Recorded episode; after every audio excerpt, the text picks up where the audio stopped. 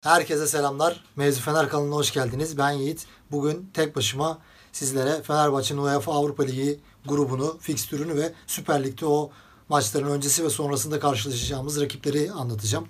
Yani biraz da kısa bir sohbet tarzı bir program olur.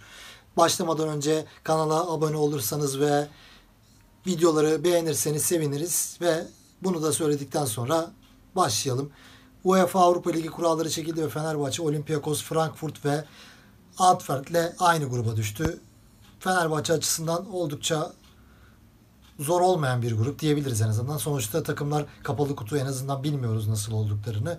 İlerleyen zamanlarda form durumlarını, takımların durumunu, bizim durumumuzu yapacağımız transferlere göre takımımızın durumu ortaya çıkacak.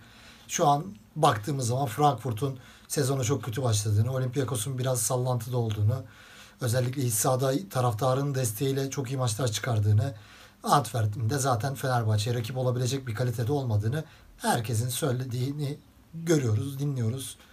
Yani bunlar malum şeyler ama futbol tabi sahada oynanıyor, sahada kazanılıyor, sahada kaybediliyor.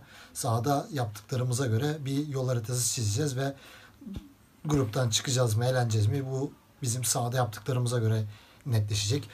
Bunları söyledikten sonra fikstürde başlayalım. İlk maç 16 Eylül'de başlıyor. 16 Eylül'de Frankfurt deplasmanıyla maçlarımıza başlıyoruz. İlk maçın Frankfurt'ta olması, Frankfurt'un hazır bir takım olmaması sebebiyle önemli. Sonuçta geçen sene başkan, yönetici, teknik direktör değiştiren bir takım oyuncuları gitti.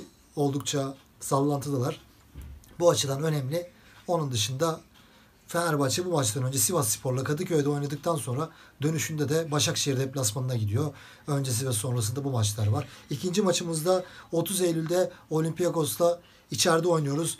Bu maçtan önce Fenerbahçe Hatay deplasmanına gidiyor. Hatay deplasmanında oynadıktan sonra Olympiakos'ta içeride oynamak bir çok zorlamaz bizi. En azından içeride oynuyoruz. Ve sonrasında da yine içeride Kasımpaşa ile oynuyoruz. Olympiakos maçından sonra Antwerp'le bu kez içeride oynuyoruz. 21 Ekim onun da tarihi. 21 Ekim'de bu maçı oynadıktan sonra Alanya ile içeride oynuyoruz ve Antwerp maçından önce de deplasmanda Trabzonspor'la oynuyoruz. Trabzonspor'la aslında oynadıktan sonra maçımız zor olabilir ama Antwerp gibi biraz daha güçsüz bir takımla oynamak avantaj. Bu avantajı da iyi kullanacağımızı ben düşünüyorum açıkçası. Dördüncü hafta maçı Antwerp deplasmanına gidiyoruz. Yine Antwerp kolay bir takım olduğunu söyledik zaten. Konya deplasmanı sonunda Antwerp deplasmanına gidiyoruz. Bu arada Antwerp 2667 kilometre gözüküyor İstanbul'a. Mesafe oldukça uzun. Yani bu kadar yol kat edecek Fenerbahçe. Sonrasında da içeride Kayseri ile nispeten daha kolay bir maç oynayacağız. Fikstürün en sıkıntılı yeri bu 5. maç haftası. Olympiakos deplasmanına gittiğimiz haftanın öncesinde Galatasaray deplasmanına gidiyoruz. Sonrasında Göztepe deplasmanına gidiyoruz. Fenerbahçe bu 3 maçlık deplasman sürecinde hem ligde hem Avrupa'da yerini biraz belli edebilir. Biraz ne olduğunu göreceğiz o haftalarda.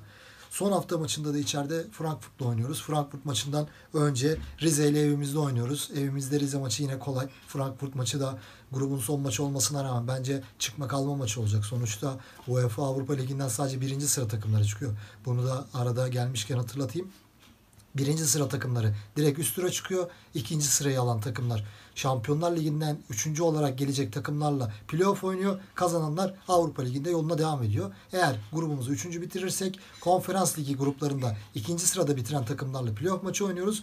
O maçı da kazanırsak konferans liginde yolumuza devam ediyoruz. Yani e, Fenerbahçe ilk üçe girdiği takdirde Avrupa'da en az iki maç daha oynayacağı kesin.